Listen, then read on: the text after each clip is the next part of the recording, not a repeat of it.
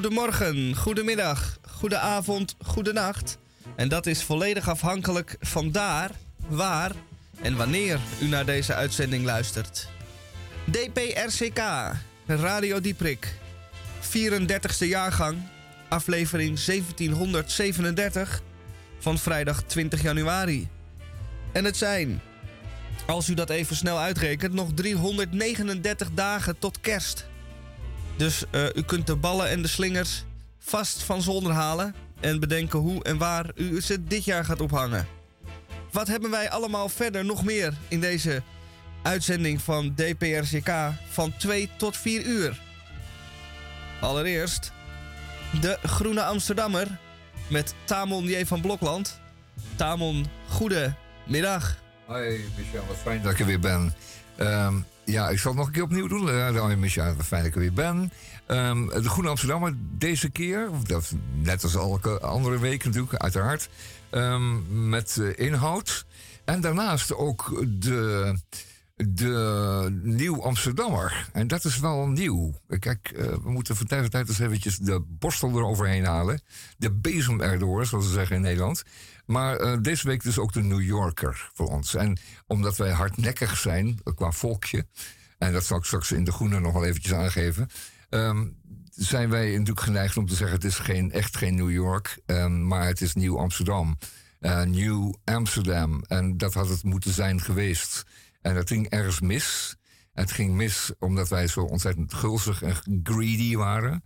En ook een tikje dom. En omdat wij niet al onze beste mensen naar Nieuw Amsterdam uit lieten varen.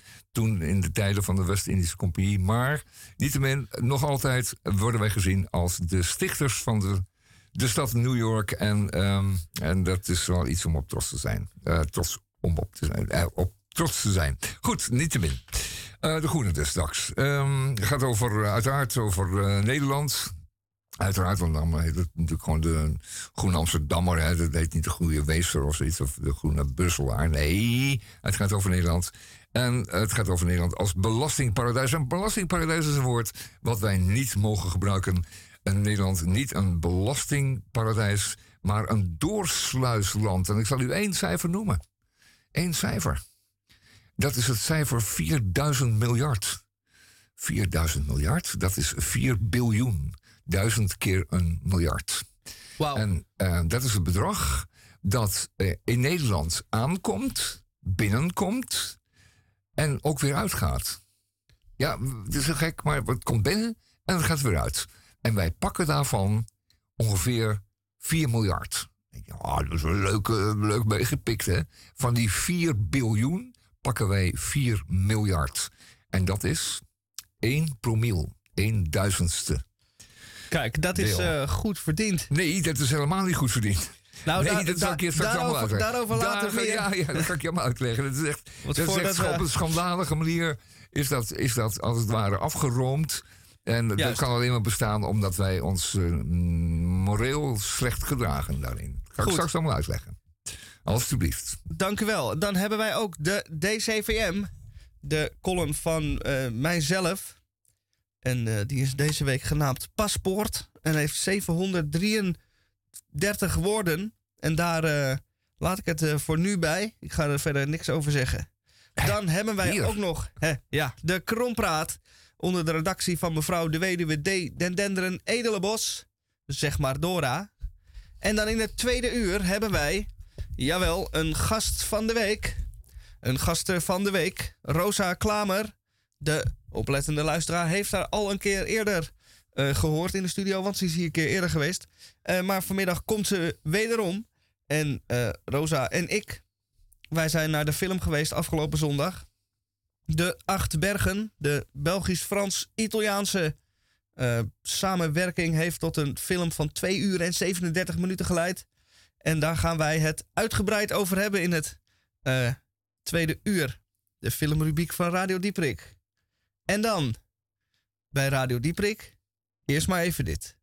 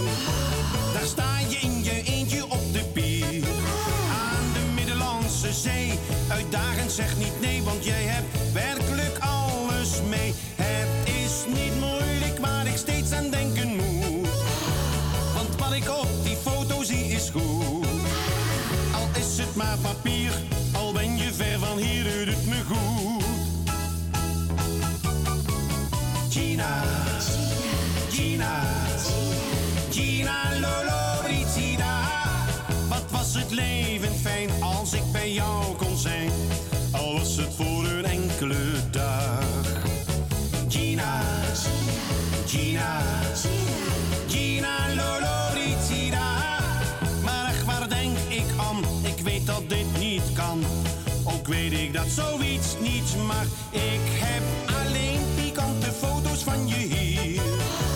Daar sta je in je eentje op de pier.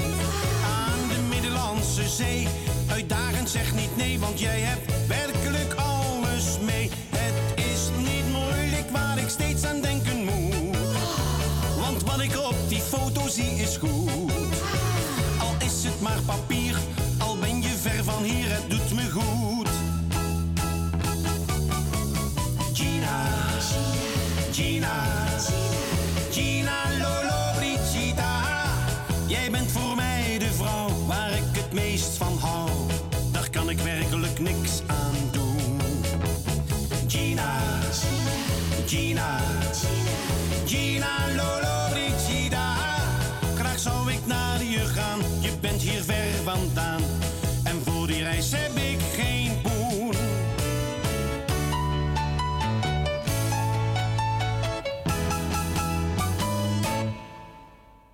Tony Bas bezingt hier Gina Lolo Brigida, die afgelopen week overleed.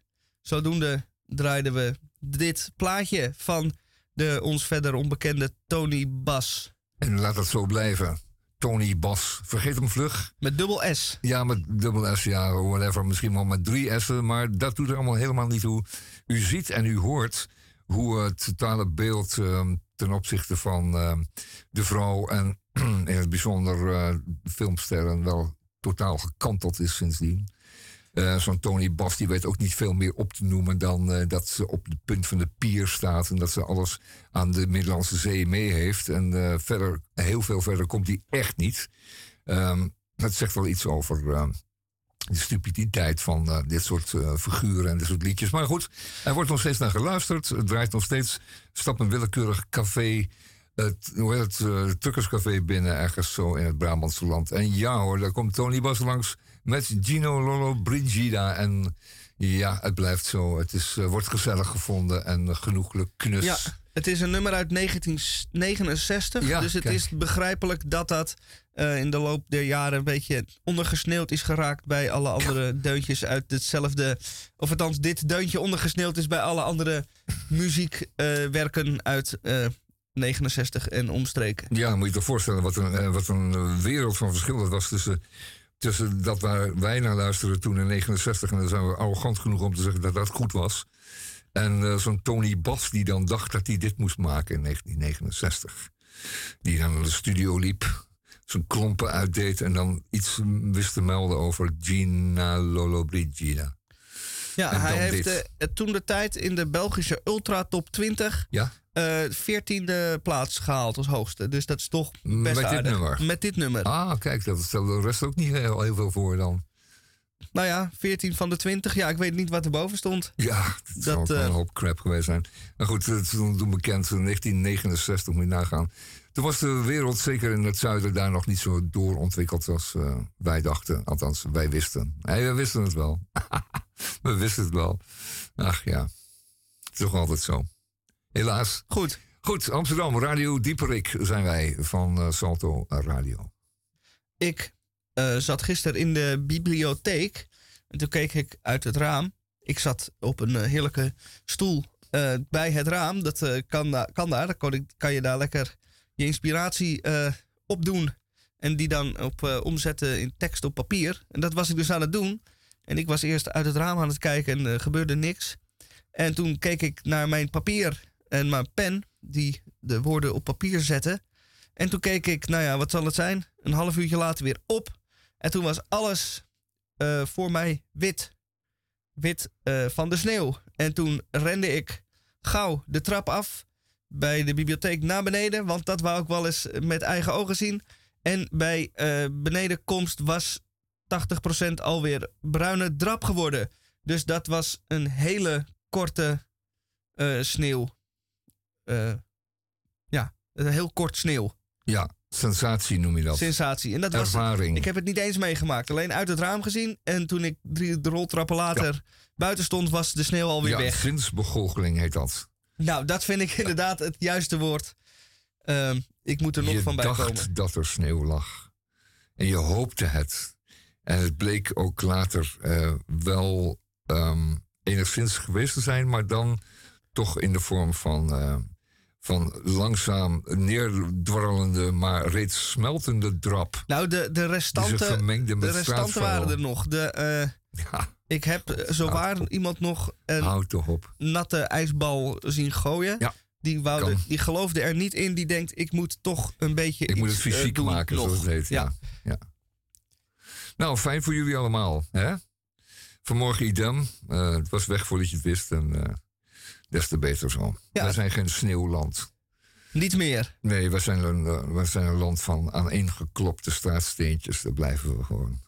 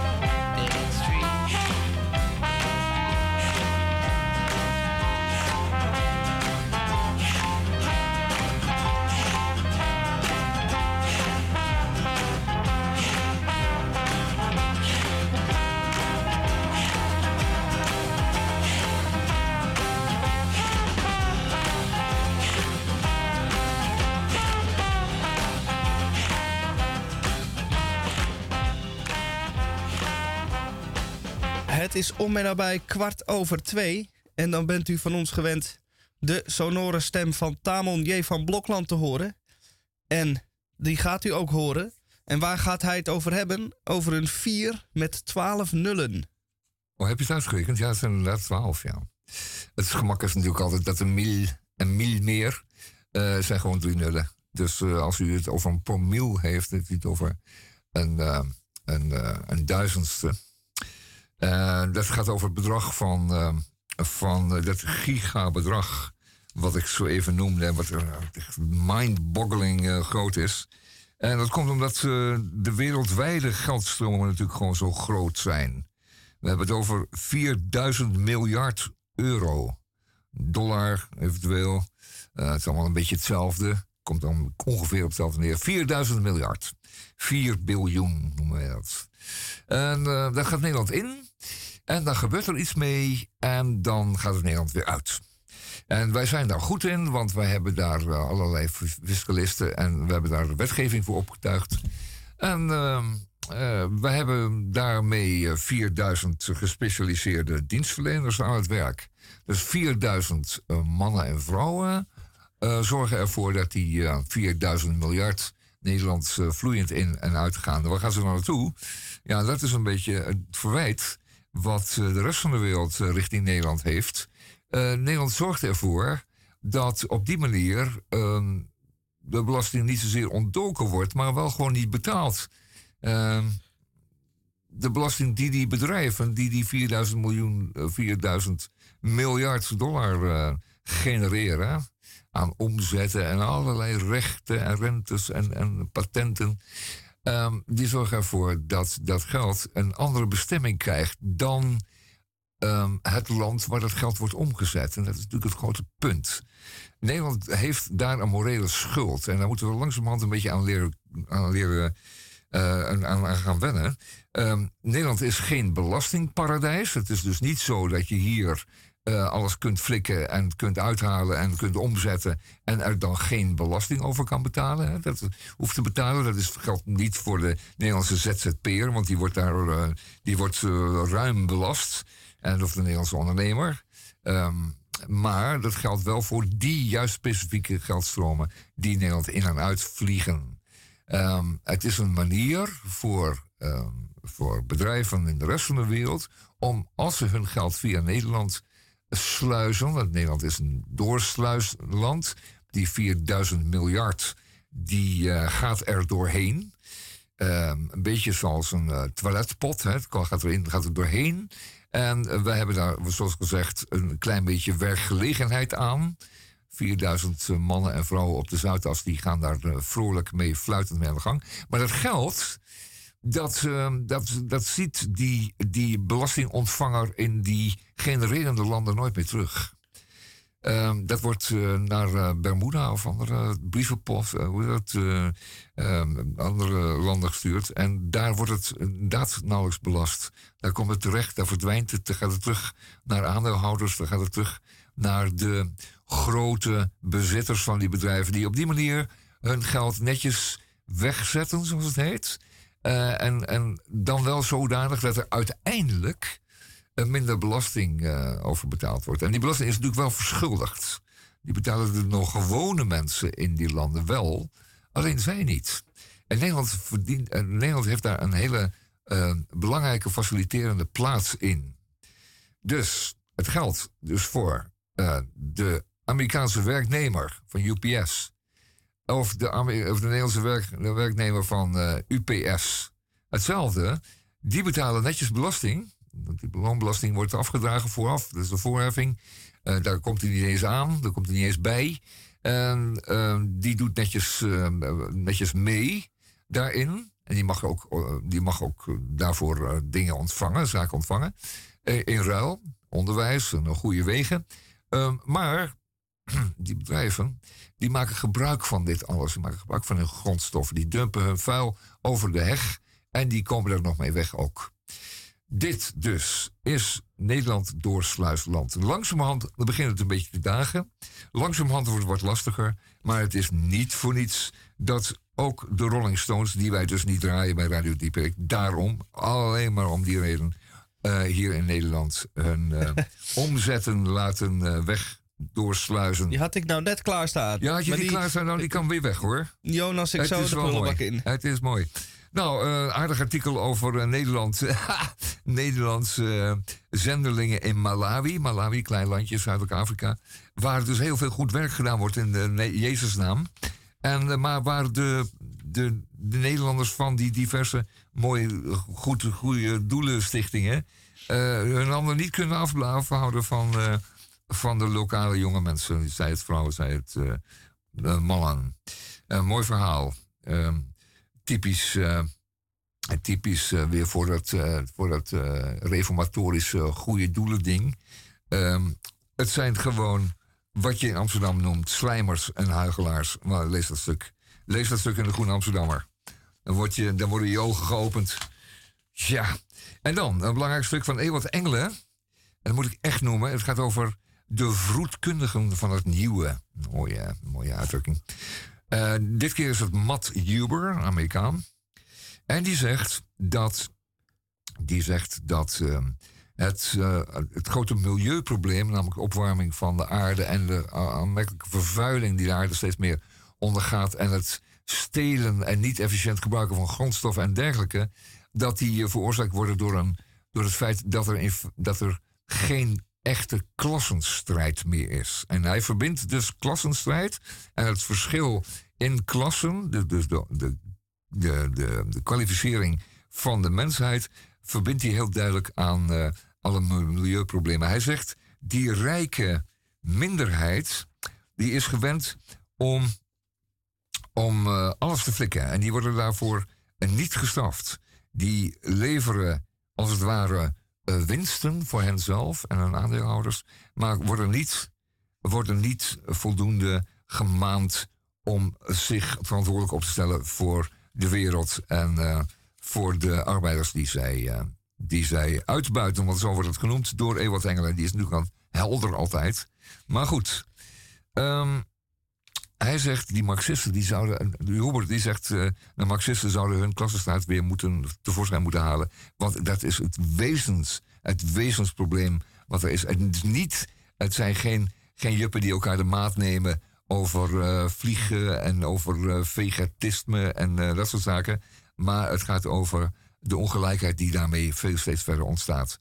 En ehm, op die manier komen we nooit aan een hercheck van, van de wereld toe. Omdat, omdat wij het als het ware uit ons handen laten glippen.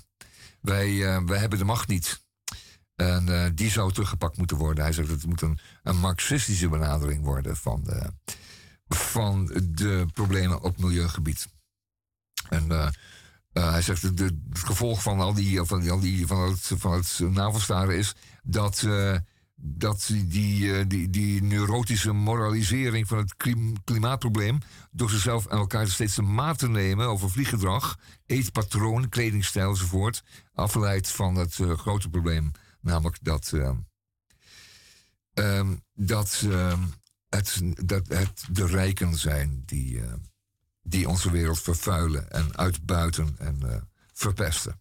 En daar moeten we iets aan, gebe- aan, moet iets aan gebeuren, zegt Matt Huber. En in wezen ook Ewald Engelen. Goed, ehm, dat is dan even wat de Groene Amsterdammer deze week voor u heeft.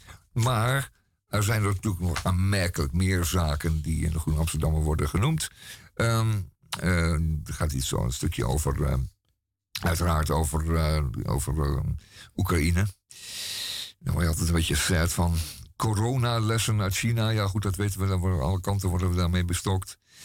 Eh, Brasilia, die Bolsonaro, eh Bolso-zak en Naro, naar Narozak, die eh, gelukkig is afgezet in, afgezet in Brazilië, heeft het toch nog voor elkaar gekregen om zijn volgelingen nog even het parlement laten, laten bestormen. Dat was een, een nare, een nare scheet die hij nog liet. Ehm, eh, is zelf veilig in Florida. Doet alsof hij of, zijn neus bloedt.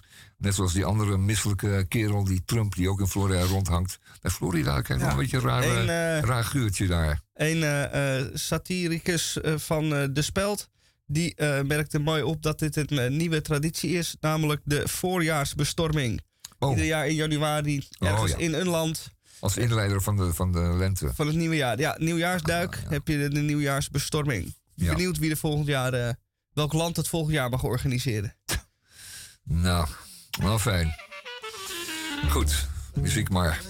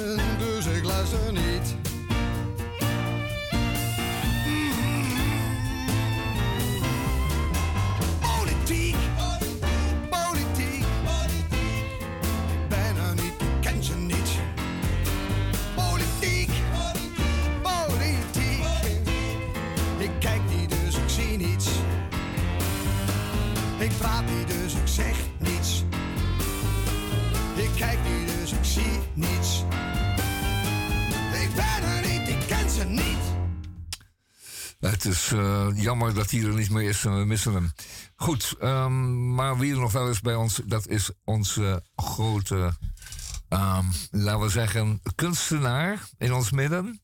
Ehm, onze technicus, maar vooral ook cabaretier, maar vooral ook gitarist, maar vooral ook zanger. En, en columnist, want daar ga ik het nu over hebben. Hij gaat voor ons een, zijn column voorlezen. En eh, hij maakt wat mee en hij eh, vertelt ons daarover. Voor nu, Misha Gorky. Nadat een collega van mij. Nadat een collega mij veel plezier wenst met mijn korte reis naar Glasgow eind deze maand, vraagt zij op bewuste toon of ik wel een paspoort in bezit heb. Ze staat erbij met een zelfbewust hoofd. Natuurlijk heb ik een paspoort, denkt zij. En deze vraag is totaal overbodig. Toch? Ik zie haar twijfelen. Dat komt door mijn gelaatsuitdrukking. Verschrokken en bevroren staar ik voor mij uit. Ik heb namelijk geen paspoort in bezit, enkel een ID. En het Verenigd Koninkrijk is na de Brexit enkel nog met een paspoort bereisbaar.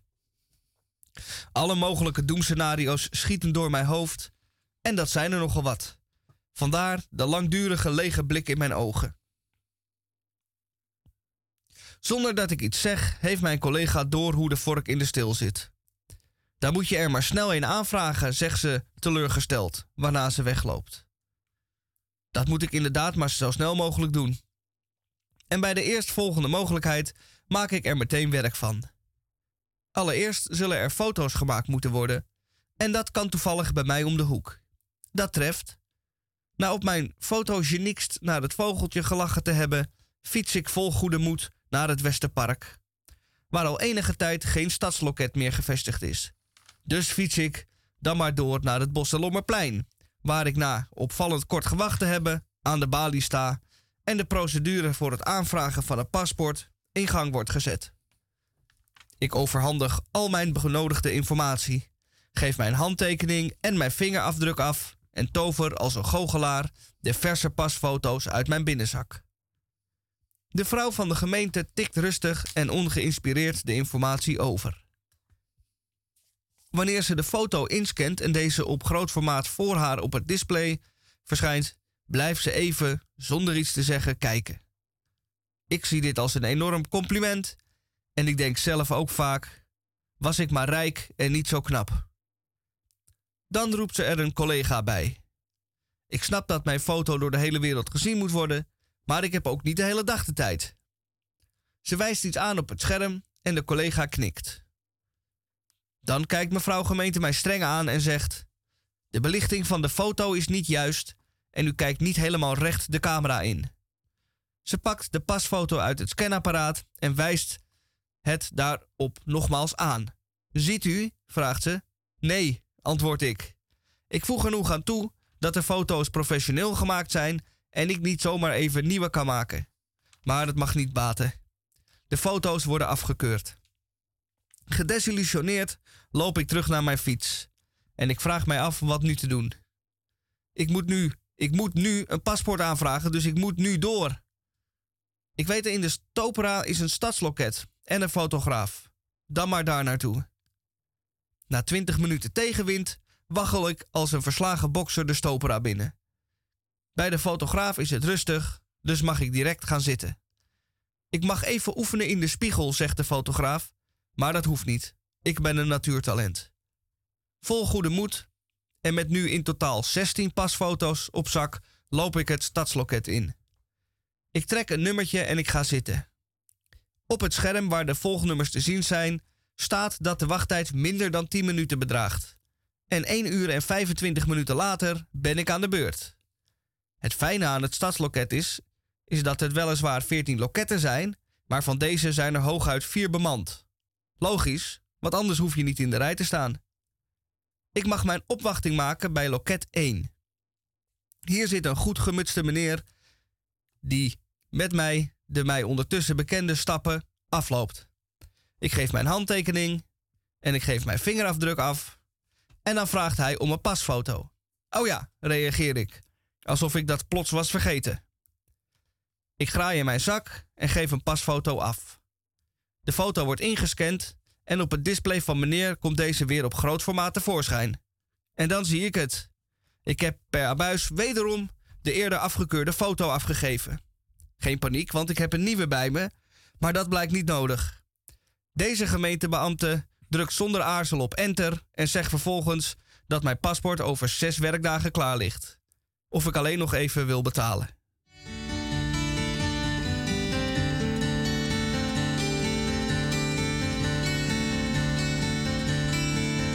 All my bags are packed, ready to go. I'm standing here outside your door. I hate to wake you up to say goodbye. But the dawn is breaking, it's early morn. The taxi's waiting, he's blown his horn. Already I'm so lonesome I could die. So kiss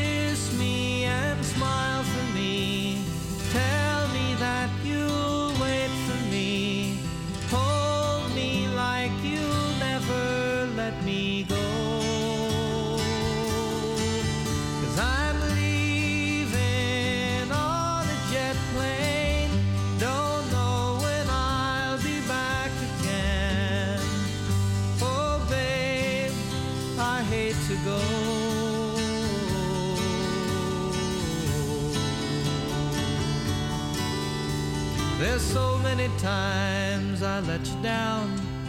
So many times I played around. And I tell you now, they don't mean a thing.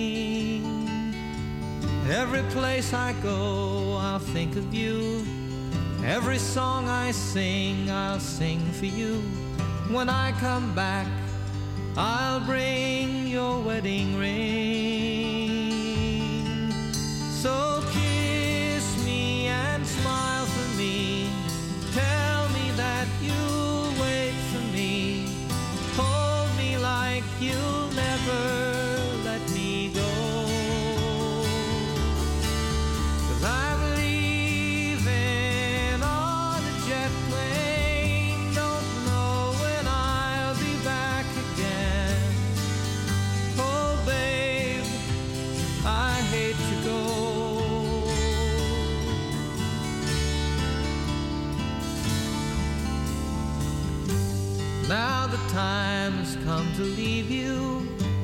One more time, let me kiss you.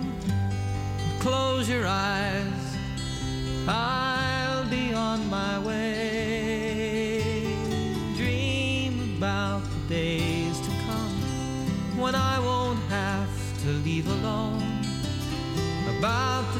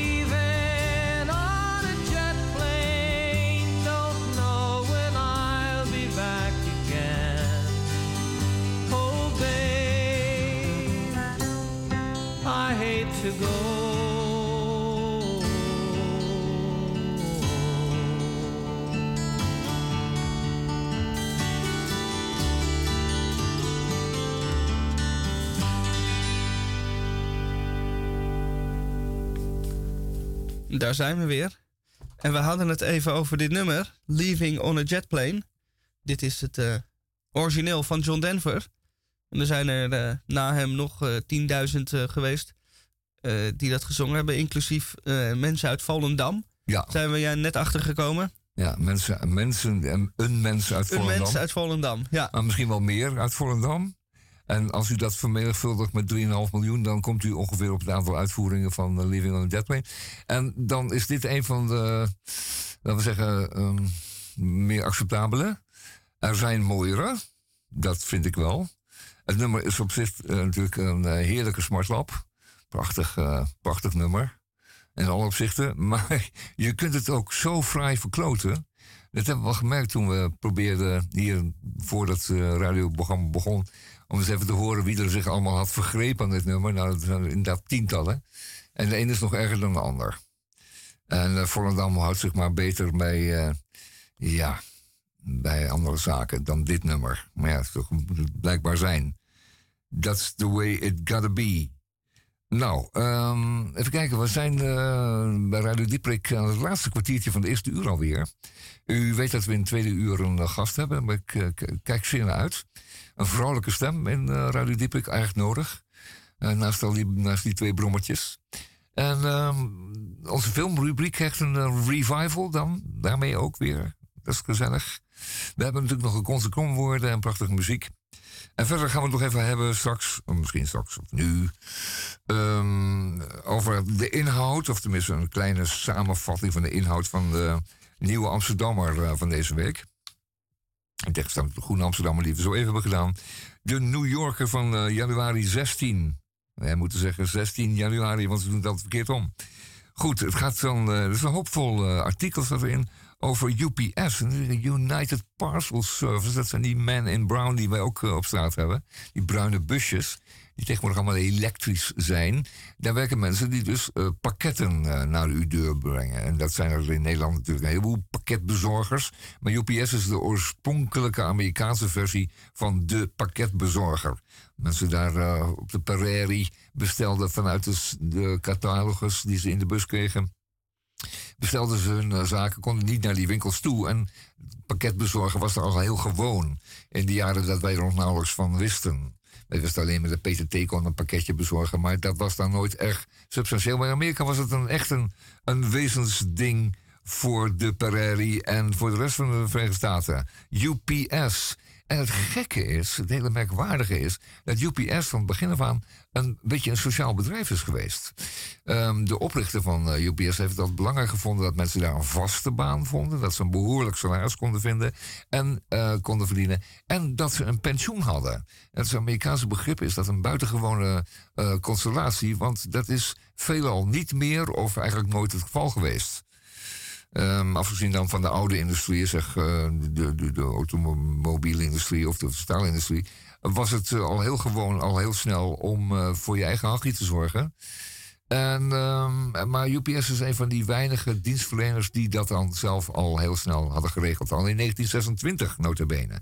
En UPS is nog altijd een van de bedrijven in Amerika die heel goed, waarbij de werknemers heel goed georganiseerd zijn. Dat wil zeggen dat ze veelal, grotendeels, de overgrote meerderheid van het bedrijf, is gewoon vakbondslid. En dat betekent dat zij de vakbonden het mandaat hebben gegeven om over een uh, salarisonderhandeling en andere arbeidsvoorwaarden te onderhandelen met de directie. En dat is een, uh, langzamerhand ook een uitzondering geworden. En dit goede stuk in de, Groen, in de Groen Amsterdammer, zeg ik, in de Nieuwe Amsterdammer, gaat daarover. Dus dan weer zo buitengewoon interessant om het dus van die kant te bekijken. En dat is dan het leuke aan het lezen van een New Yorker hier in Amsterdam. Want het gaat over, namelijk over, over dezelfde dingen. Hè? We zijn allemaal uh, werknemers en we zijn allemaal, uh, worden we geknecht en uitgebuit. En we moeten daar wat aan doen. Net zoals het van belang is hier in Nederland of in Europa dat we vakbonden steunen en dat we lid worden is het voor de Amerikanen ook zeer zeker het belang. En uh, begint zich langzamerhand ook daar te keren. En dat is natuurlijk erg aardig. Nog meer in de Nieuwe Amsterdammer.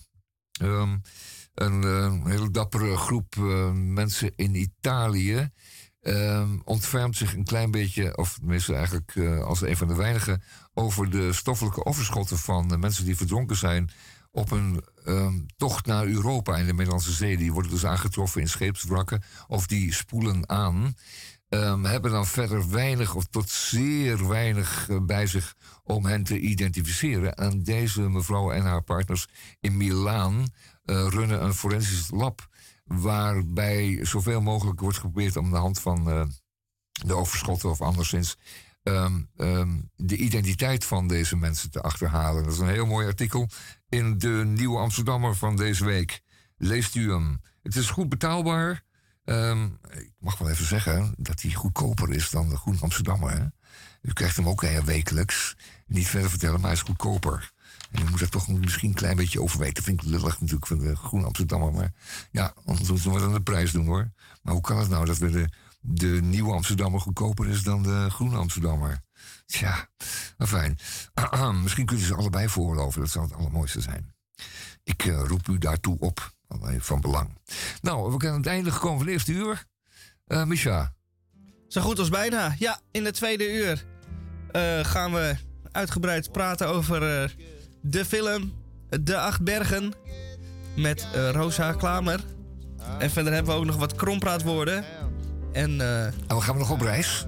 Wellicht gaan we ook nog op reis. Dat ja. zou leuk zijn, ja. Misschien wel een naar hapje een, eten onderweg. Naar een berg. Een hapje eten onderweg. Uh, misschien naar, uh, naar Schotland. Zou dat leuk zijn? Dat is altijd een goed idee. En, en daar een hapje eten. Ik ben zo benieuwd. So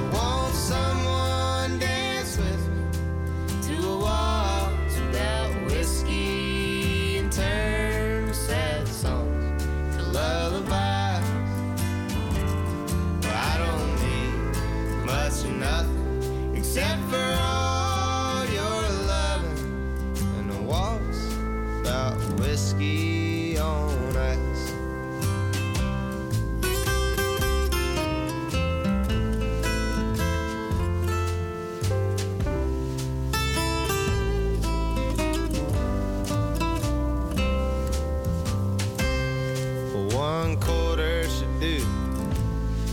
Number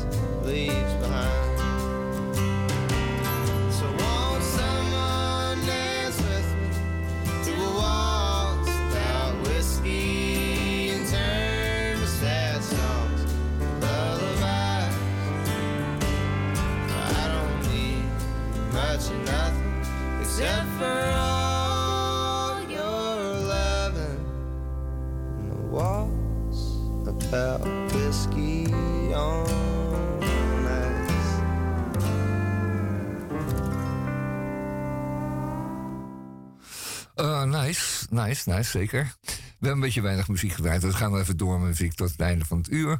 Ehm, Crosby overleden. Eh, niet Bill Crosby natuurlijk, maar een andere Crosby, de Crosby van Stills Nash Young. En ehm, een ode aan hem. Hij zei dat hij eh, op een, in een interview eh, vanmorgen op WDR...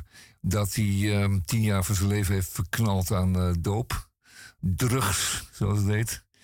En, eh, en die ruzie had met eh, Neil Young over een eh, juffrouw. Allemaal zonde, zei hij. Zonde, zonde, zonde. Allemaal niet nodig geweest. Crosby, het gouden keeltje. Een van de gouden keeltjes. We draaien hem hier, alstublieft. Dank u wel. After you.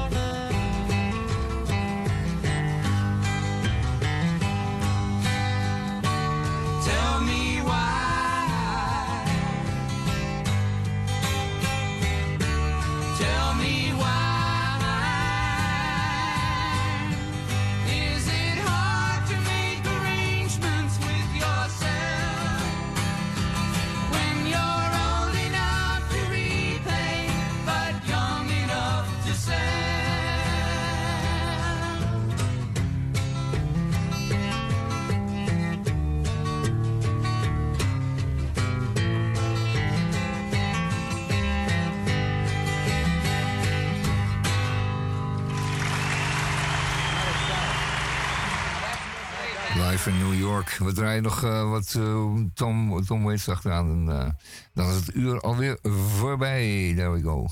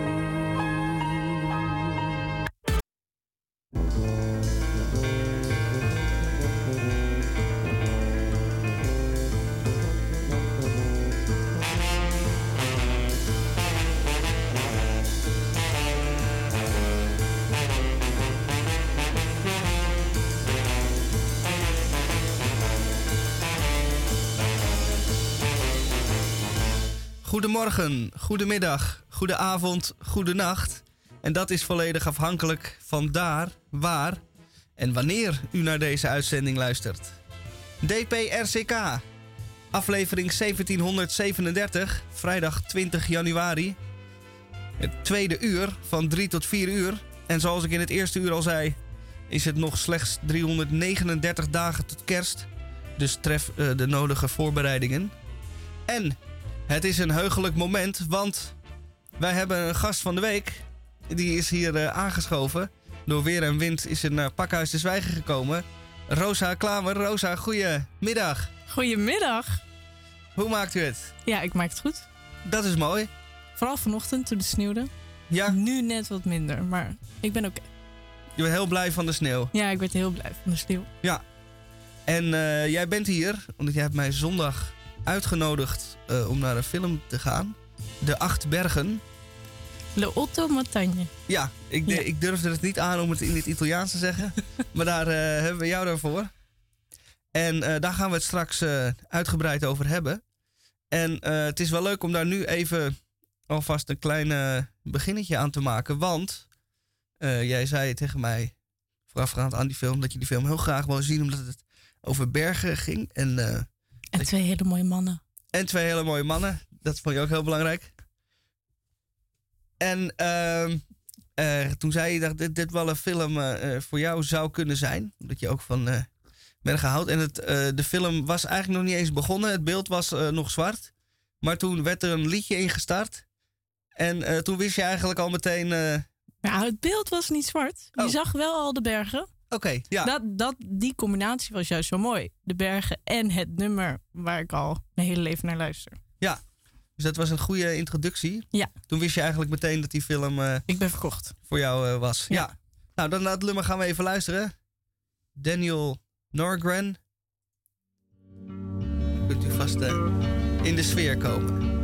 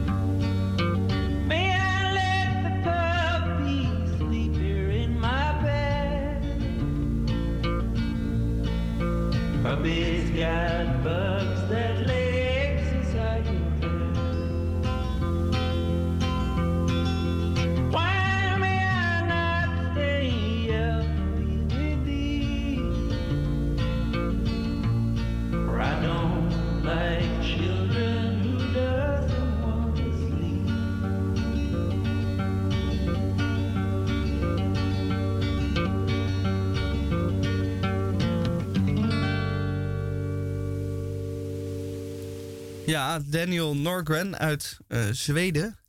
En dit was de, het openingsnummer van de film eh Le Otto Montagne. Ja, Eh, bijna goed. Bijna goed.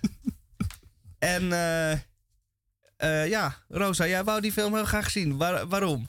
Waarom? Goeie vraag, goeie vraag. Ehm, omdat, eh, nou, ik heb van mijn familie een beetje meegekregen van mijn moeder de liefde voor bergen.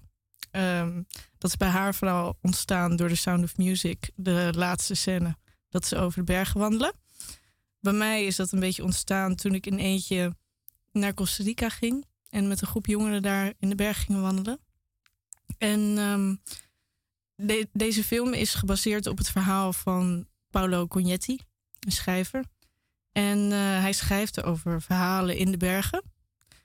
En eh, mijn moeder had dat aan mij laten, of een boek gegeven. Ik heb het niet gelezen. Ik, heb, ik, ik was eraan begonnen, maar het verhaal was heel langdradig. Net zoals de film trouwens. 2,5 uur. Lange zit. Zeker, ja. Dat vond jij vooral ook? Eh, nou ja, eh, ik had er van tevoren had ik dat eh, ergens gelezen dat hij zo lang duurde. Nou ehm, eh, heb ik dat wel eens eerder gedaan. Ook eh, eh, in, voor de radio. Een film eh, over eh, Elvis. Die duurde ook zo lang, dus ik had er al... Duurde die ook zo lang, Elvis? Ja, die duurde ook Oh, eh, dat ben ik even vergeten. meer dan 2,5 uur. Ja, daar ben ik toen met Tamon heen geweest. Dus eh, ik heb er ervaring mee. Gezellig. Maar eh, het, eh, het was eh, het uitzitten meer dan waard. En het duurde, het voelde nooit eh, lang, dradig of eh, vervelend. Eh, ja, het- vond je van niet? Ik dacht Nee. dat jij een keer tegen mij zei, ja, het was wel langdradig. Ehm, nou, ehm, eh, langzaam. Langzaam, Misschien ja. bedoelde ik dat meer dan. Ja. Hij, het, het wordt, eh, er wordt ruim de tijd genomen om het verhaal te vertellen. Ja, dat, dat vond ik juist best wel fijn. Eh, vooral ook, daar hadden we het toen ook over, dat het wel mooi is met de beelden van de bergen. Dan maakt het bijna niet uit dat het langzaam is. Nee, dat past er eigenlijk heel goed bij. Ja, precies.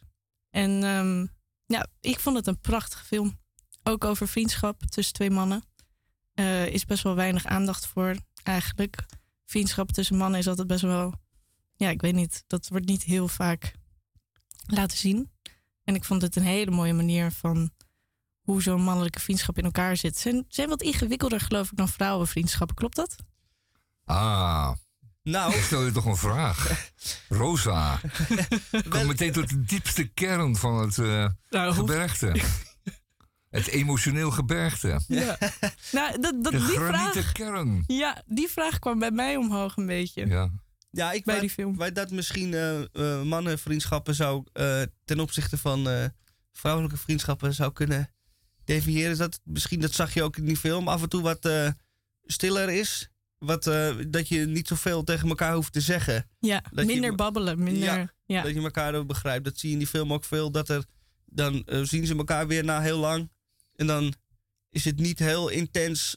Maar eigenlijk gaan ze verder waar ze gebleven waren. Met Ja. een beetje... Ze weten eigenlijk wat, wat de ander denkt, bijna. Precies, Ja. ja. Ja, dat vond ik ook. Ja. Hele mooie vriendschap. Zeker. Mag ik eraan toevoegen dat als je, als je een, man, een, een echte vriend, een mannelijke vriend tegenkomt na zoveel jaren, dat je er dan vanuit mag gaan dat er niets veranderd is. Ja. Dat het in wezen hetzelfde is gebleven.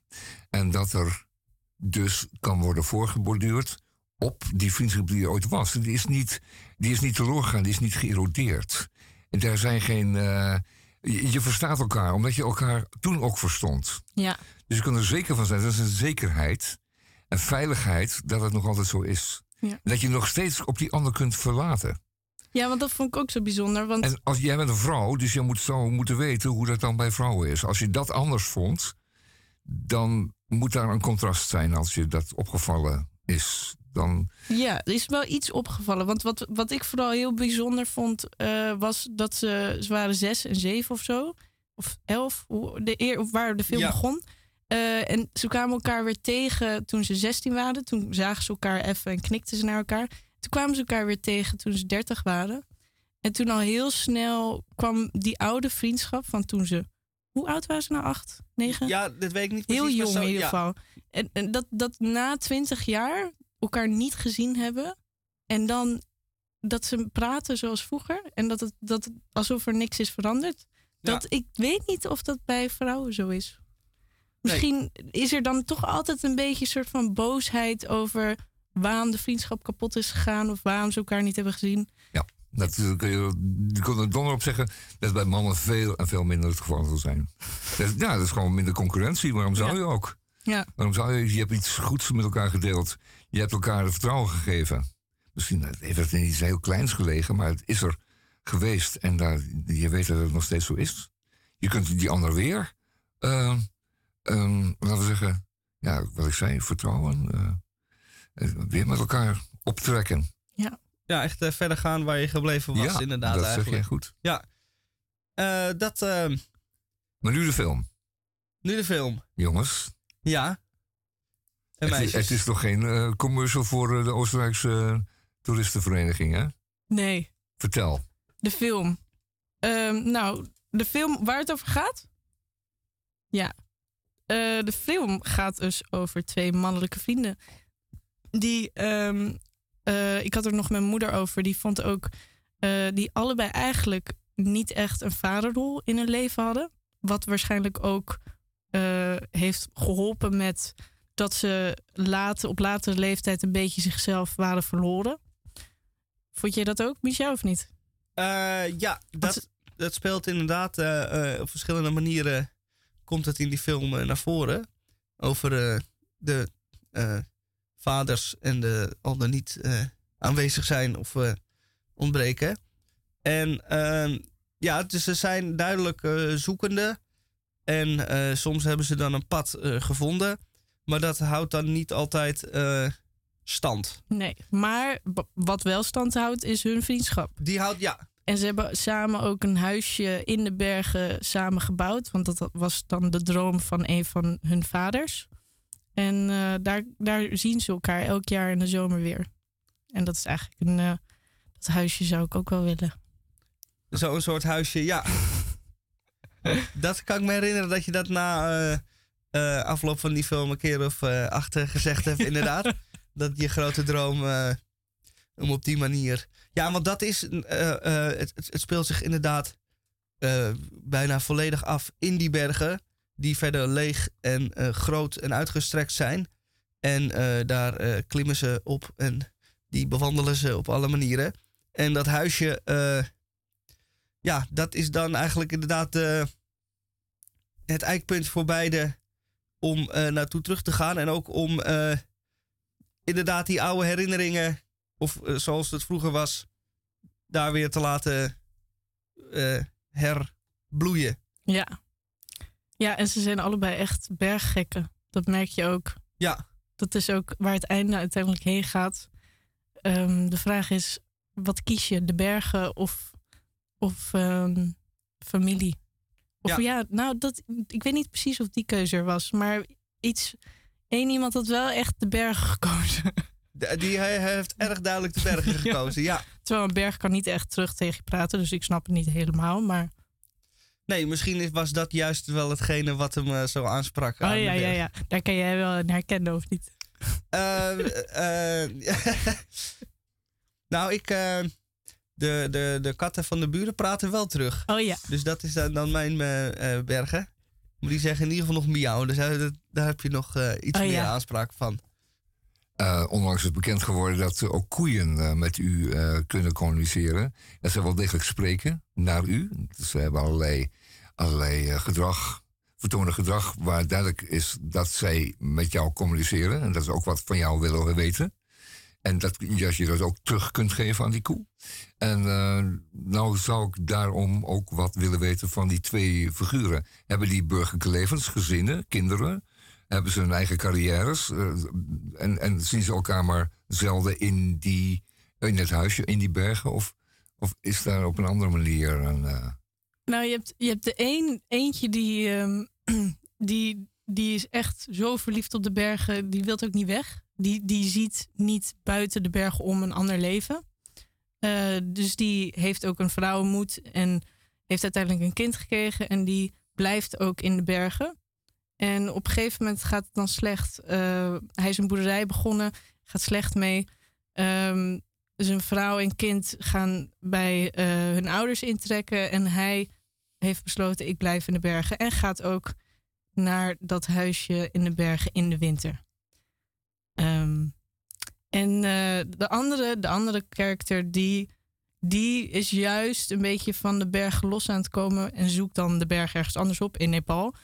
Alsnog in de bergen, maar wel, die ziet wel meer dan alleen maar hetgene waar ze zijn opgegroeid. Ja, die heeft een wat eh, breder blikveld. En die wil in eerste instantie ook weg uit de bergen. Om daar dan later weer naar terug te komen op een andere manier. Ja. Ja.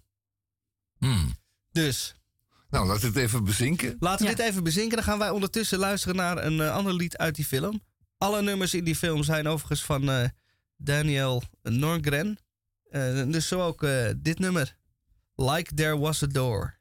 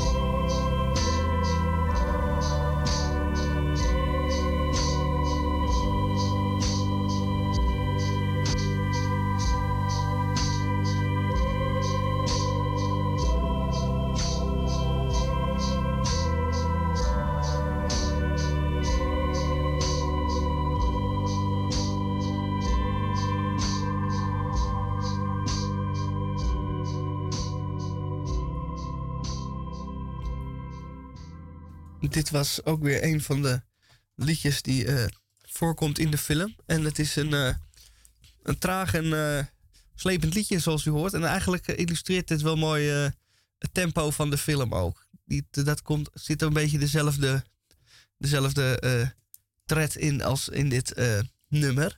En dat past natuurlijk ook goed bij Bergen, groots, wijd, maar tegelijkertijd robuust. En ja, ze staan er. En ze, zei, ze blijven er staan. De, de tijd staat stil, eigenlijk, in de berg, vind ik altijd. Je hebt eigenlijk eh, het moment om even over het leven na te denken. En even te genieten. Dan sta je op die bergen. Dat gevoel, weet je wel, dat gevoel, daar hadden we het ook over. Wat ik heel erg had toen ik die film aan het kijken was. Die had jij wat minder, omdat je nog nooit dat gevoel hebt gehad. Nee. Ik ben nog nooit, nooit in de bergen geweest. Maar je kan wel ergens begrijpen, toch? Dat gevoel. Ja, ik kan me dat heel goed voorstellen. Ik heb het dan misschien op een kleinere schaal eh, wel eens eh, gehad bij andere lege eh, plekken, inderdaad. Ja. Ja. Ja, dat, daar kan je het ook hebben. Iets, iets euforisch. Iets... Ja. Ja. Dat is wel een goed woord. Ja, en deze twee ehm, eh, vrienden van kinds af aan, die komen dan na lang weer samen. En ze besluiten inderdaad te doen wat een van de twee graag wil, namelijk een huis bouwen op de berg, hoog, hoog in de berg, waar je ook niet zomaar eh, komt. Maar ze doen het wel en ze bouwen daar een, eh, hun huisje. Een klein, klein hutje. Ja, hoe eh, zal ik het omschrijven? Ja, een klein hutje. Heel, heel primitief. Nee, jongens, heel primitief. Het moet er zomer en winter blijven staan. Ja, Je zegt heel hoog, op, de, op de rand van eh, de boomgrens daar ergens. Ja er wel wordt met... aan getrokken door het weer en de sneeuw en ja, water. En, het is wel, het, het is wel goed gebouwd. ja, ja, wel ja. met stenen en, en... Leg het uit, leg het uit. Steen? Stenen, zeg Steen? jij? Ja, steen. Oh, ja, ja, was met stenen. De een van de eh, eh, personages is eh, metselaar. Oké. Dus dit, ja. Je kan wel een stevig huis metselen. Ja. Ja. En eh, het, was, het was het helemaal pikken donker. Ze hebben één klein lampje en dat was dan, eh, dat, dat was dan het enige, enige elektriciteit dat ze hadden. Eh, van, van wat zei jij nou net? Van, was gemaakt bij, door het riviertje en door daar een eh, Ja. generator. Ergens bij een klein watervalletje een eh, een watergenerator waar dan net genoeg stroom was voor Eén, één of twee of drie, ja, één lamp. één lamp. Ja. Maar meer heb je ook niet nodig. Nee, En dat was ook eigenlijk de bedoeling dat het kaal en ja, maar wel knus. Wel knus. Heel ze, hadden, knus. ze hadden ook zelfs een boekenkastje. Dan kon je lekker lezen. En eh, Hé jongens.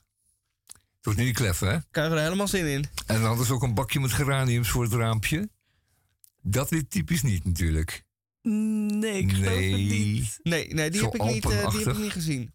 Ook geen Nee. kanten gordijntjes. Geruite kleedjes op het ruwe... Nee, nee, ik zal, ik zal niet flauw zijn. Een eigen huis gemetseld. Ja. Van aanwezige steen. Ja. Eh, ze hebben daartoe hebben ze de cement naar boven moeten dragen. Ja, ze hebben alles met twee En, ezels. en, oh ja, daar hadden ze Ja. ezels voor. Ja. Bes- Vertel ons dat, want dat willen we weten. En, en hadden ze, ze hadden ook hout nodig voor het dak en voor de deuren en de Ja. raamkozijnen. Ja, Allemaal met ezels naar boven gebracht. nou, ze hebben ook geloof ik veel daar gevonden. Ja, Dus, dus, dus vooral het, de, het gereedschap en zo met de ezels en de dingen die ze die boven konden vinden. Mhm. Maar ehm, het was een heel, hele opdracht. Hebben ze, hoe lang hebben, ze- hebben ze daarover gedaan? Een jaar of zo? Eh, nee, zes maanden. Ja, vier, ma- vier of zes Vier- vier of maanden. zes maanden. Ja, het was in, eh, eh, eigenlijk in de vakantieperiode van een eh, van de twee heren. Die heeft toen zijn hele vakantie eh, opgeofferd om te werken voor de ander eigenlijk. Zo werd het eh, afgesproken. En eh, Twee hele sterke mannen trouwens. Is ook ontzettend wel sterk. nodig. Ah, Ja. Ik, het klinkt enige bewondering. Heel veel Enige bewondering. vrouwelijke bevolking voor de mannelijke spieren in door. Nou goed, Nou, dat zo ergens, zijn. ergens ook een bewondering voor het, eh, het zelf in je e- of met z'n tweeën zo'n huis kunnen neerzetten waar je gewoon gebruik van kan maken. Dat is toch wel ergens een droom van mij. Dat je gewoon e- je eigen huis kan bouwen. En dan, ja, dat vind ik wel cool. Ja, Dat kan iedereen. Vermits hij een beetje ruimtelijk eh, inlevingsvermogen heeft en een paar goede, wat zeg ik, linkerhanden? Of moest het zijn rechterhanden zijn? In ieder geval een paar goede handen aan zijn lijf. ja. voor Nou, Misha voor linkerhanden geloof ik. Jij bent toch links? Ik ben Ja, linkshandig. we zijn allebei linkshandig. Maar ik zeg, Oh, jullie eh, zijn ja. allebei. ja, dat ik komt zeg goed uit. altijd graag eh, links onhandig. Want mij moet je geen huis eh, laten bouwen.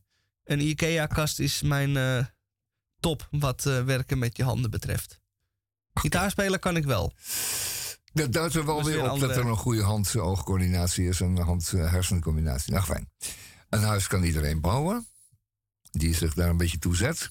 En het blijft inderdaad een opgave, zeg zo hoog. Enorm. Maar het lukte ze en ze bouwden een goed huis. Ja. Hmm. Nou, goed huis. Ja, wel. Was Ik er nog iets over? huis. Iets bijzonders met het huis? Stort het in? Nee, nee, Nee, nee. Nee dat huis is eh, heel robuust eh, eh, en stevig gebouwd. En dat eh, doorstaat weer en wind, eigenlijk. Eigenlijk was het huis niet zo- niet zo'n heel belangrijk stuk van de film misschien. Het moment van het bouwen wel. Maar daarna werd het huis gewoon gebruikt voor hun om elkaar te zien daar. Ehm, ja. En wat me dan meteen eh, nieuwsgierig maakt, hoe, hoe uiten zij hun liefde voor de bergen? Op welke wijze? De, eh, door. ehm, ja, eigenlijk door daar ehm, niet in woorden en gebaar heel sterk. eh, af, af- afgezien van eh, op, het, eh, wanneer het, eh, op het einde, wanneer het wat eh, eh, intenser wordt. Maar eigenlijk meer gewoon door, door een soort eh, de natuurlijke aantrekkingskracht die zij voelen naar, naar de bergen toe. Ook als ze daar dan weg zijn, daar dan Ze komen meteen terug. eigenlijk terugkomen. Ja, Ja. Ze, ze, ze verlaten eigenlijk de bergen niet. Want die andere, die gaat naar Nepal, gaat ook naar de bergen.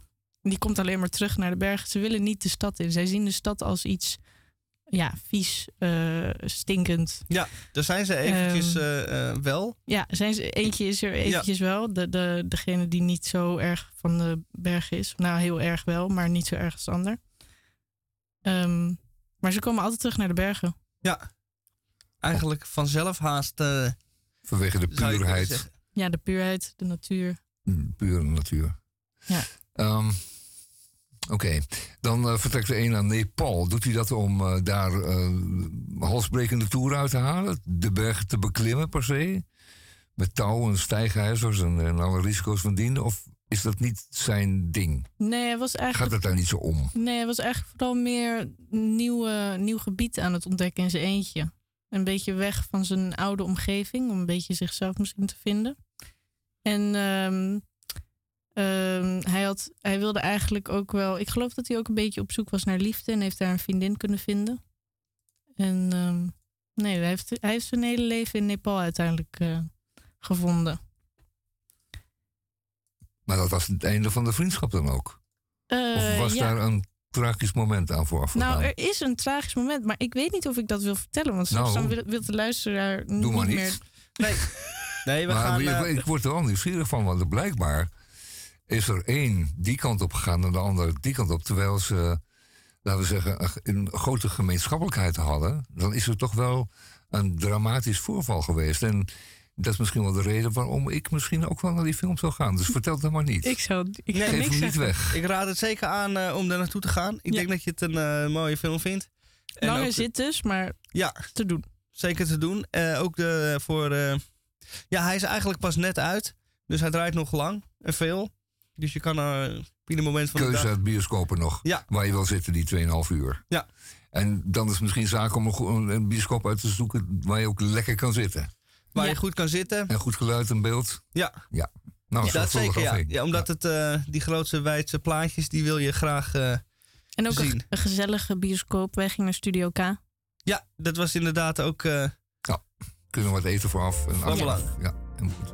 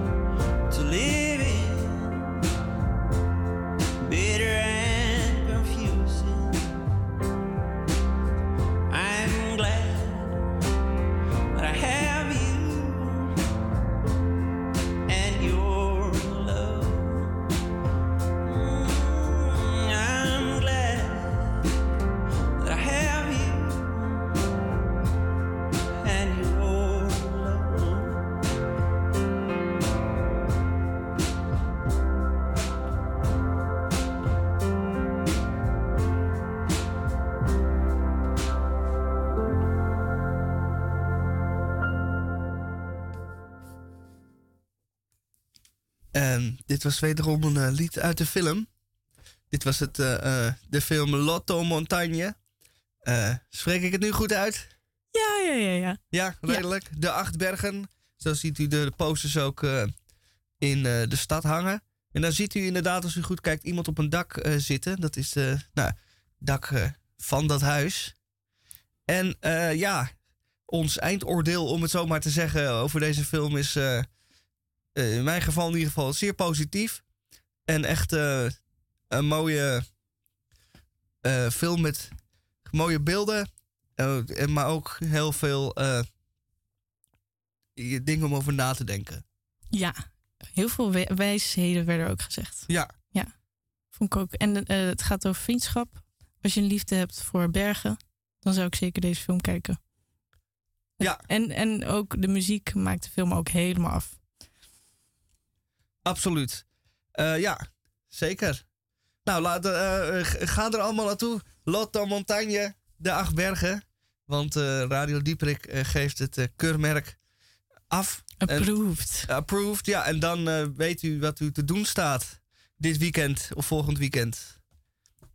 En wij weten ook wat ons te doen staat. Namelijk een harde schakel maken tussen waar we het net over gehad hebben. En waar we hierna weer mee verder gaan. Look at her face, it's a wonderful face, and it means something special to me. Look at the way that she smiles when she sees me. How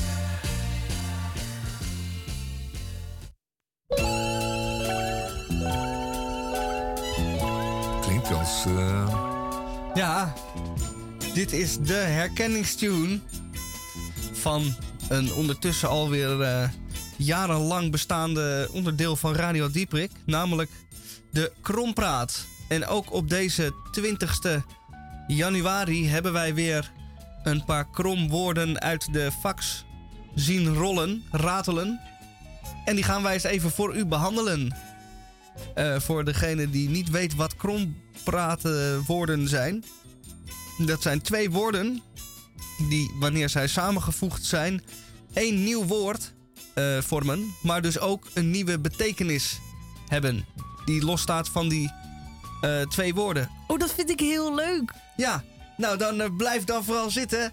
En kun je vanaf de eerste lijn kijken hoe dat in zijn werk gaat.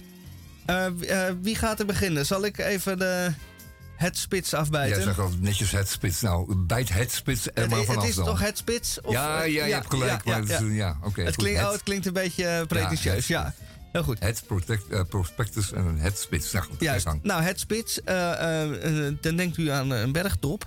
En dit woord is ook precies, gaat ook over bergen. Dat sluit ook weer mooi aan bij die waar we het net over hadden. Over de film met acht bergen. Het woord wat ik ga behandelen is bergonomisch. En wat is nou eh, bergonomisch?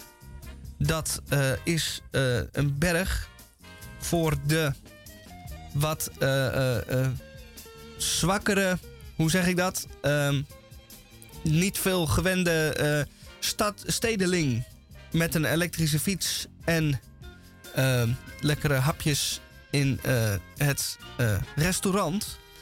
En die wil natuurlijk alles goed geregeld hebben. Wanneer de Westertoren te veel geluid maakt, dan klaagt u bij de gemeente. En eh, wanneer u wil bergbeklimmen, ja, dat neemt nogal wat gevaren met zich mee. De hoogte, eh, eh, de, het ruige terrein. Het is dus niet heel ergonomisch, zo'n berg. In die zin dat je daar op een veilige, een fijne manier kan rondwandelen. je zit midden in de woeste natuur. En dat is allemaal leuk en aardig. Maar daar bent u niet van gediend als verwende stadsbewoner. Alles wordt voor u geregeld. En anders klaagt u wel als het niet geregeld wordt. En eh, daarom eh, zijn er instanties bezig met eh, ergono- ergonomische bergen eh, te bouwen. Bergonomisch. Dat zijn dus kunstmatige neergezette bergen. Waar alle gevaren en alle risico's en alle oneffenheden en dingen die de mens maar lastig maakt, weggehaald zijn. Nou, daar is echt niks aan. Nee, dat Nee, nee, nee. Dat Wat denk hoef je ik niet. En dat Nee. allemaal in, eh Het is niet, in Twente het, of het zo? is niet voor mij. Een, Ja, ehm, een paar kartonnen skietjes erbij. En, eh, nou voor de kust van eh, de Waddeneilanden, een beetje noordelijk, daar wordt dan een berg Sorry, maar opgezet. sorry hoor. dit, dit dit vind ik nou precies weergeven waar, waar de tijd van nu mee bezig is. Precies. Alles glad trekken, zodat er niks qua spontaniteit nog ergens te vinden Je is. zult maar op je bips vallen en oud doen. Ja, Ja. Dat moeten we Dat kan tijden niet. vermijden. Dat kan niet. Nee. Jongen, jongen zeg. nee, het is inderdaad helemaal van deze tijd. Nou, nou.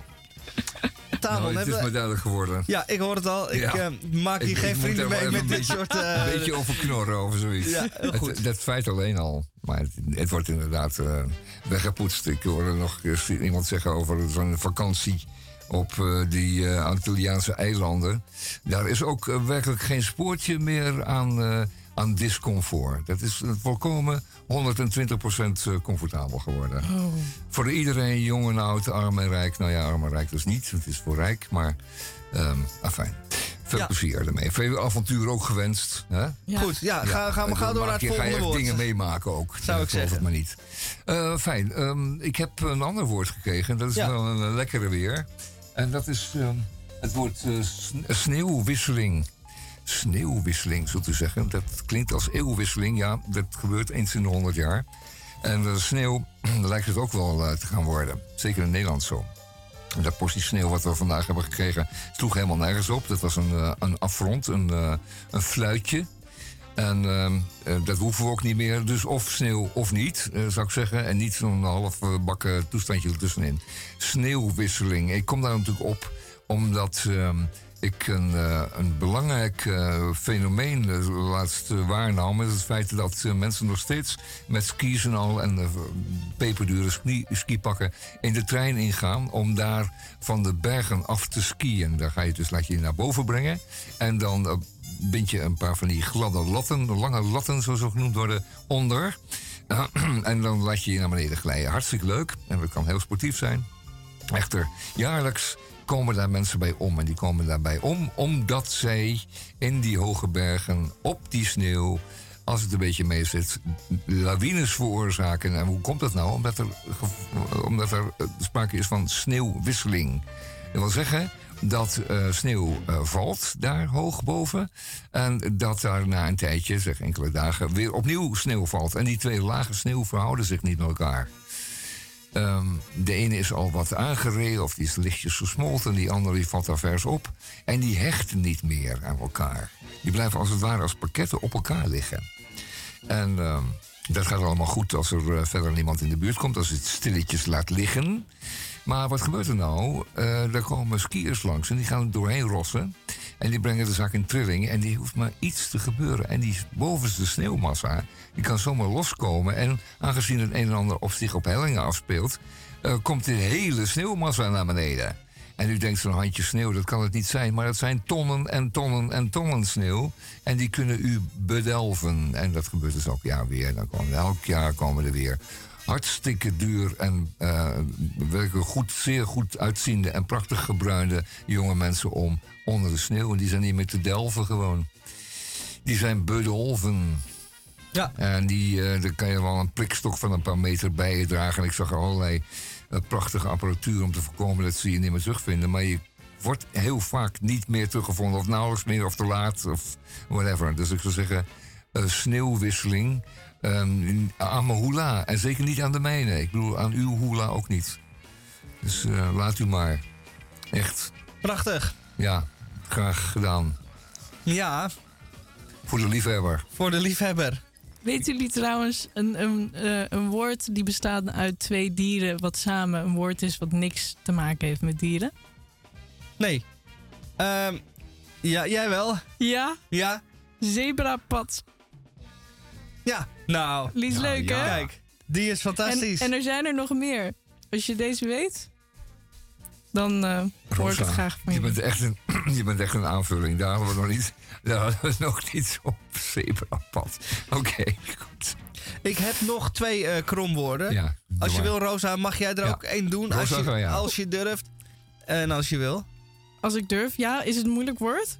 Ehm, het is denk ik geen moeilijk woord.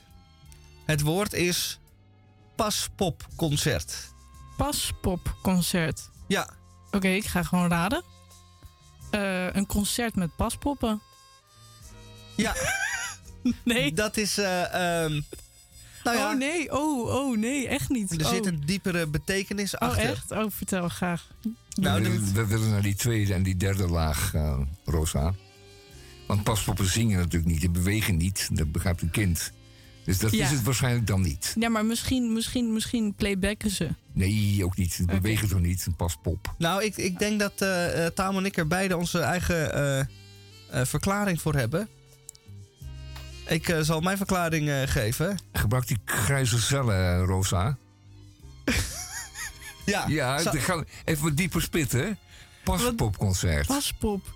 Het mag ook de meta-betekenis zijn van een paspop. Ja, een paspop. Ja, ik, zie- ik zie voor me die paspoppen in, in winkels. Ja, dat heb je goed. En oh, dat dan? heb ik goed. En dan een, concert. Ja, Ja, dat zeg ik. Maar wat is dan de meta-betekenis van een paspop? Is dat die stijf is. Ja. Niet beweegt. Oh, dus misschien een concert van iemand die niet Ja, beweegt. dat zou best kunnen. Dat zou Ja. eens de eerste laag kunnen zijn. En dan moet je denken aan Madonna. Oh, Madonna? Straks in, de- ja, die gaat straks een concert geven. De Die staanplaatsjes beweegt niet? kosten eh, 300 euro. Ja, in extenso. Maar zingen kan ze nog steeds niet. Maar dansen kan ze wel. Ik geloof dat Madonna niet stilstaat. Die danst wel.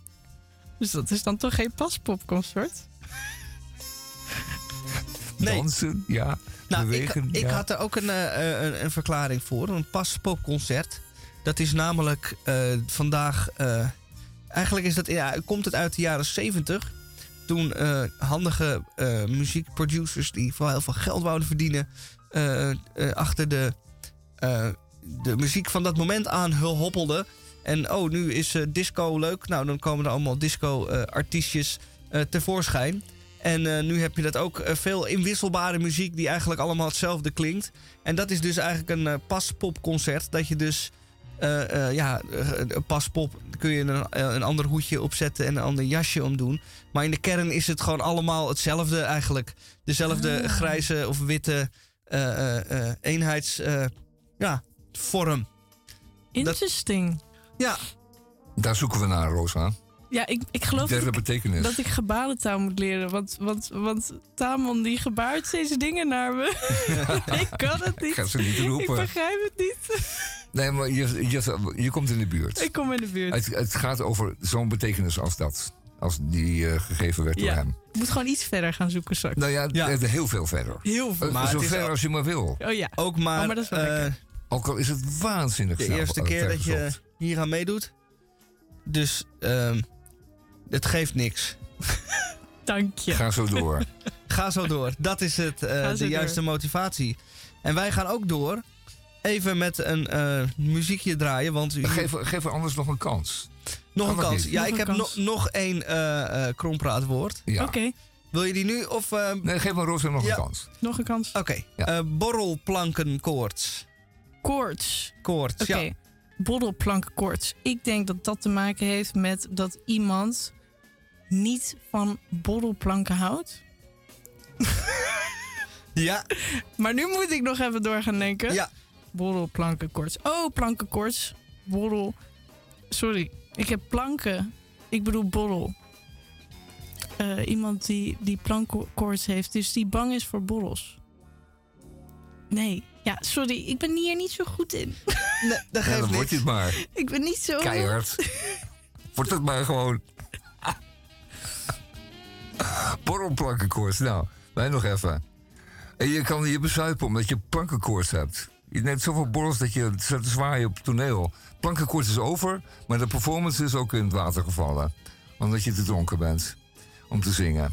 Borrelplankenkoorts. Ehm, je hebt een eh, date en eh, wat je, laat je, je laat eten komen. Dat moet je nooit doen. Je drankje is tot daar toe. Moet je niet bij de eerste date gaan eten, want dan zit allemaal tussen je tanden. Je moet eh, Inderdaad. en, en netjes eten kunnen maar weinig mensen. En, ja, daar zeg je wat. ja, en dat kan soms heel gênant zijn om Ik- in elkaar smalende mond te kijken. Ik heb dus een keer een date gehad met iemand en, Kijk. en, die, en die, die wist niet hoe die met stokjes moest eten. Nou, maar die, bijvoorbeeld. die had me meegenomen naar een ramen. Kijk, dat is een goeie. En, goeie en die, was, die was zo verliefd, of eh, verliefd, die was zo zenuwachtig dat hij die stokjes niet goed kon vasthouden en hij niks van zijn bordje of van zijn soepje heeft kunnen eten. Ach, god. Zielig, god, hè? ja. Hij durft ook Wat niet om een vork of een lepel te nee, want vragen. dat zei ik tegen hem, "Pa- vraag naar een vork. En toen, dat durfde jij ook niet. Ja, het was echt een hele sneu gebeuren. Ah, Ah, dat is wel... eh, Maar wel, het levert deze dingen leveren altijd een mooi verhaal. Ja, dat zeker. Nu kan ik het weer hier zeggen, ja. Dus eh, probeer nog één keer borrelplankenkoorts. Ja, nee, ik ben bang dat ik het opgeef. Ik ben niet zo goed met woorden. Nou, Of ik moet me gewoon nog comfortabeler voelen in dit. ja, dat zal het zijn. In Dat zal het zijn, gebeurtje. En inderdaad. misschien moet je eh, vanwege die plankenkoorts een borrel nemen voor de volgende keer. Oh ja, dat Ja, is tussen de middag een beetje nat lunchen en dan eh, komt het goed. Nat lunchen. Ja, dat lunchje. fantastisch. We zijn aan het einde gekomen van twee uur alweer.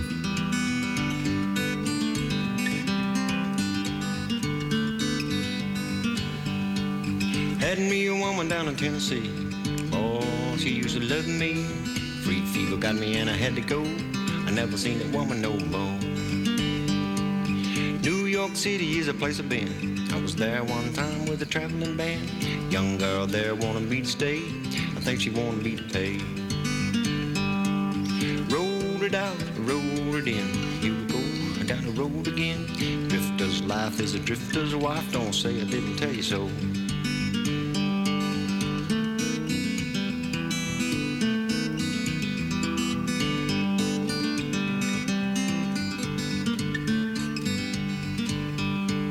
Traveling man now, he don't know only what he hears on the radio. Politics and money don't bother him. Only good looking women and a bottle of gin. Portland, Oregon to the Mexican line. Boy, let me tell you, the women are fine. If you don't hang around there very long, they never ever know you're gone. Rolled it out, rolled it in. Here we go, down the road again. Drifter's life is a drifter's wife. Don't say I didn't tell you so.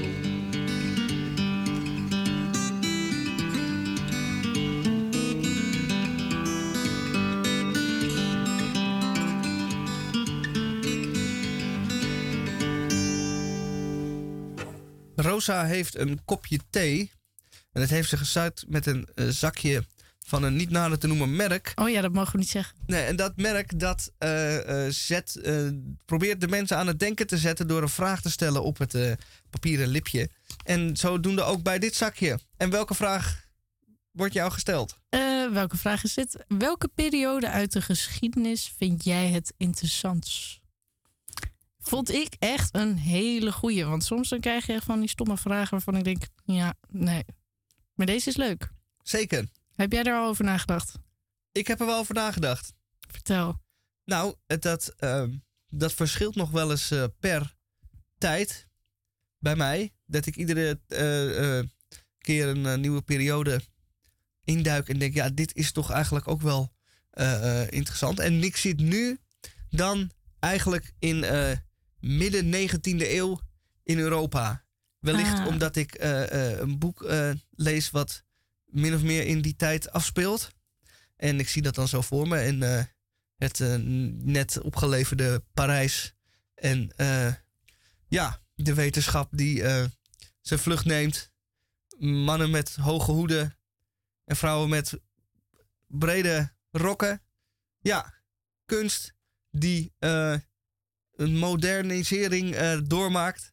Ja, dus op dit moment, mocht er een tijdmachine bestaan, mogen ze me terug neerzetten in 1853. Want, want dan zou je ook willen leven? af- Nou ja, dat eh, is altijd moeilijk om te zeggen. Want dan denk je, goh, ik ga, ik zet even de centrale verwarming aan en ik ga even mijn toilet doorspoelen. En dat eh, kan dan opeens niet. Ja, of je bent heel arm en je hebt niet al die mooie jurken en pruiken die... Ook, dat, die kans is ook heel groot. Ja, als ik mijn huidige situatie naar eh, eind 19e eeuw zou verplaatsen, dan zat ik er waarschijnlijk eh, heel eh, rottig bij, vrees ik.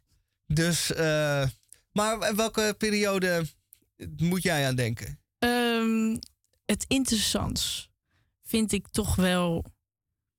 ehm, nou, die het meest dichtbij me ligt, is toch wel de. de, de eh, een beetje de, de Tweede Wereldoorlog en de Eerste Wereldoorlog. Ook omdat ik gewoon nog steeds me afvraag. Als ik bijvoorbeeld, ik lees wel eens Etty Hillesum. En dan vraag ik me af, hoe, hoe voelt het nou echt mentaal om in, midden in zo'n oorlog te zitten? En ook als je nog zelfs Joods bent. Vind ik, blijf ik toch interessant vinden. Ehm, en andere tijden komt ook in mijn hoofd Grieken en Romeinen. Vind ik toch ook een hele interessante.